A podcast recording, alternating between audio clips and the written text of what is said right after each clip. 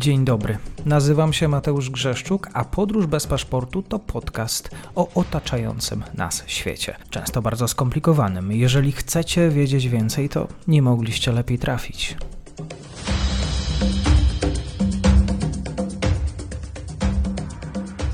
Dzień dobry Państwu, dzień dobry wszystkim słuchaczom. Dzisiaj moim gościem jest Kacper Ochman ze strony kierunek kaukaz.pl. Zachęcam serdecznie do odwiedzin. Kłaniam się, dzień dobry.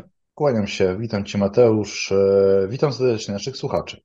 Już po dłuższej przerwie, więc cieszę się, że dzisiaj będziemy mm, mogli porozmawiać. O Turcji rozmawiamy dosyć szeroko z uwagi na sytuację na Bliskim Wschodzie, o Azji Środkowej nieco ciszej w ostatnim czasie, e, aczkolwiek pewnie tam się dzieją też e, spore rzeczy, aczkolwiek spoza naszej bańki informacyjnej, tudzież prezydenci Turcji i Turkmenistanu spotkali się i umowy podpisali. Czego dotyczy ta współpraca? Tutaj przede wszystkim mówimy o współpracy gospodarczej w kilku obszarach. Nie ulega wątpliwości, że współpraca turecko-turkmeńska mm, opiera się w dużej mierze na potencjale, który jest wciąż niewykorzystany w wymiarze energetycznym, w wymiarze również tutaj e, melioracji, odnawialnych źródeł energii, dostępu do wody, szeroko rozumianej infrastruktury, bo też mowa o korytarzach transportowych, infrastrukturze drogowej, kolejowej. Tak naprawdę mm, od rolnictwa poprzez infrastrukturę, energetykę, jeżeli byśmy dotknęli różnych e, obszarów współpracy tych dwóch państw, to tak naprawdę jakieś akcenty byśmy znaleźli. Nie ulega wątpliwości, że ta ostatnia wizyta i to spotkanie Serdara Beldy Mohamedowa z Recepem Tayyipem Erdoganem y, no ma za zadanie przede wszystkim podkreślić stałe, niezmienne, silne y, zaangażowanie Turcji w region Azji Centralnej i zwiększanie swojej obecności politycznej, gospodarczej w tym regionie świata, w którym no, w pewnym sensie możemy dostrzec pewne, y, pewne jaskółki, pewne syndromy zmian delikatnych, jeśli chodzi o, o pewne proporcje geopolityczne w tym regionie. To znaczy większą obecność y, Turcji, większą obecność mogliśmy zauważyć w ostatnim czasie innych państw, innych podmiotów, jak Francja, jak Niemcy, jak Stany Zjednoczone, a być może ciut mniejszą albo przynajmniej niezmienną y, obecność y, Rosji. I wydaje mi się, że tutaj w tym kontekście trzeba tą, tą wizytę y, Serdara Mohamedowa, spotkanie ze, ze Zepem Tayyipem Erdoganem przede wszystkim rozpatrywać, interpretować. A Turkmenistanowi potrzebna jest Turcja właściwie?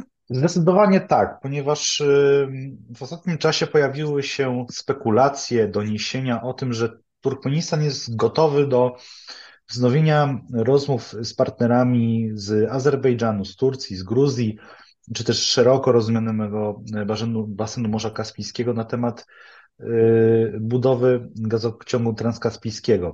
To mm, pokrótce wyjaśnię, że jest to y, gazociąg, który wciąż bardzo dobrze prezentuje się na, na mapach, y, natomiast w rzeczywistości go nie ma. A co on by dał? No on dałby przede wszystkim potężny zastrzyk gazu do europejskich dostawców, właśnie za pośrednictwem Azerbejdżanu, Gruzji i Turcji. Europa Południowa, czy też y, państwa Unii Europejskiej, właśnie tegoż południa, zyskałyby dosyć pokaźnego i solidnego dostawcę y, tego błękitnego paliwa.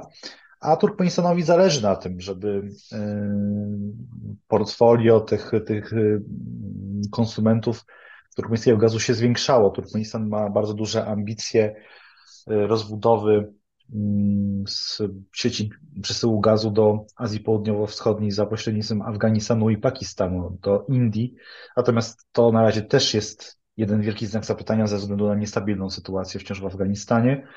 I no, Turkmenistan szuka, szuka tych, y, tych alternatyw, możliwości y, eksportu gazu, ponieważ wciąż ich go głównymi odbiorcami są Chiny. Turkmenistan jest największym eksporterem gazu do Chin i Rosja, z którą to rywalizuje o miano y, pierwsze miejsce tego największego dostawcy gazu do Chin. Także wydaje mi się, że Turcja jest Turkmenistanowi potrzebna nie tylko ze względu na tą, tą energetykę, o której yy, mówię, ale również ze względu właśnie na napływ tureckich inwestycji w różnych segmentach. Właśnie tak jak wspomniałem, infrastruktura, mieszkalnictwo, odnawialne źródła energii itd., tak itd. Tak to tutaj nie ulega wątpliwości, że turecka gospodarka, tureckie firmy, tureccy przedsiębiorcy, którzy starają się zawsze działać w sposób ekspansywny i zwiększać obecność tureckiego kapitału na różnych rynkach światowych, wydaje się, że turec,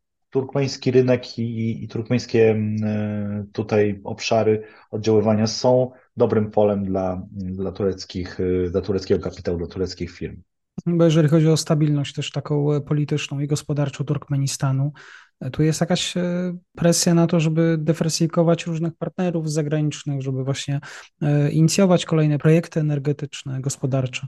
Myślę, że tak. Przede wszystkim też Turcja pojawia się w tym kontekście ze względu na to, że no jednak Turkmenistan i Turcja ze względu na swoją bliskość kulturową językową no są dosyć bliskimi dla siebie partnerami. Tutaj trzeba też dodać, że Turcja i Turkmenistan współpracują w ramach organizacji państw tureckich. Też oba państwa nie są co prawda stałymi członkami, ale jednak są w Szanghajskiej Organizacji Współpracy, więc to nie tylko ta, ta współpraca bilateralna, dwustronna, również w tych wielostronnych formatach e, ma miejsce. Tutaj jak najbardziej dywersyfikacja tej współpracy z różnymi partnerami zagranicznymi pojawia się w ograniczonym oczywiście stopniu, no bo no, Turkmenistan jest no, państwem specyficznym, byśmy powiedzieli, jeśli chodzi o, o współpracę e, międzynarodową i, i jakby no, neutralny status tego państwa.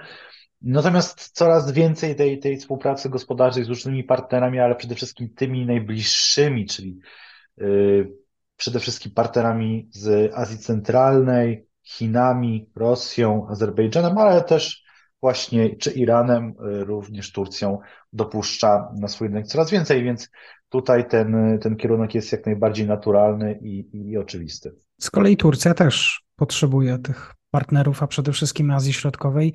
Jak wygląda ta turecka gra o właśnie o ten region w kontekście rosyjskim?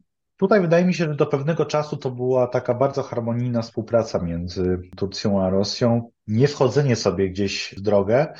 Natomiast od momentu, kiedy Turcja zaczęła intensywniej dozbrajać arsenały państw Azji Centralnej, od Turkmenistanu poprzez Kazachstan, Kirgistan, Tadżykistan, oraz Uzbekistan, widzimy, że te proporcje zaczynają się troszeczkę zmieniać i faktycznie Rosja wciąż jest tym bardzo poważnym, kluczowym partnerem, co każdy z liderów y, państwa Azji Centralnej podkreśla na każdym kroku.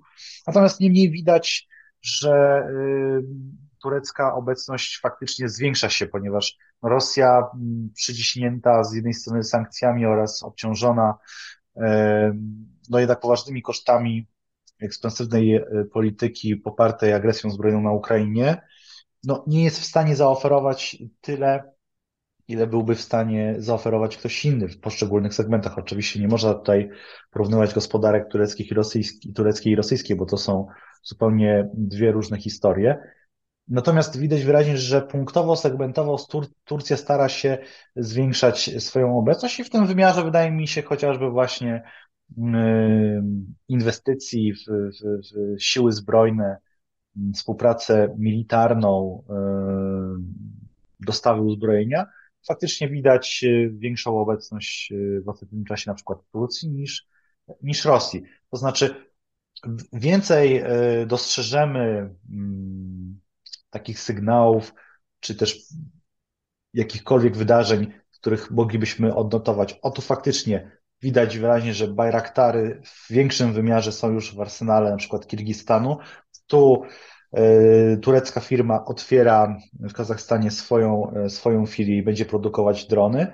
I takich sygnałów mamy poważnych naprawdę już kilka. I to moim zdaniem jest pewnego rodzaju taki delikatny znak, sygnał, że faktycznie w niektórych e, takich punktowych elementach Turcja stara się no jednak ten grunt Rosji wyrywać. Natomiast wcale mm, też nie, nie, nie przesadzałbym z takim, y, takim przedstawieniem tego w taki sposób, że y, nagle Turcja wyrasta na poważnego konkurenta Rosji, no bo też trzeba twardo i realnie spojrzeć chociażby na wymianę gospodarczą między Turcją a państwami Azji Centralnej, a Rosją i państwami Azji Centralnej. Rosja wciąż oraz Chiny są największymi partnerami handlowymi dla państw Azji Centralnej. Turcja, w zależności oczywiście od państwa, które weźmiemy pod lupę, no jednak jest w tej pierwszej dziesiątce, ale, ale jednak jej strata pod tym względem do, do, do, do Rosji, do Chin jest wciąż poważna.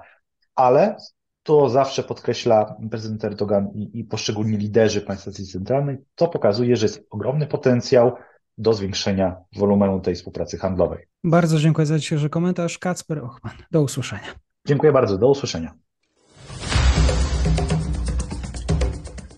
Dziękuję serdecznie za odsłuchanie tej audycji. Zachęcam oczywiście do kliknięcia subskrybuj, obserwuj oraz wsparcia mojej pracy na serwisie Patronite.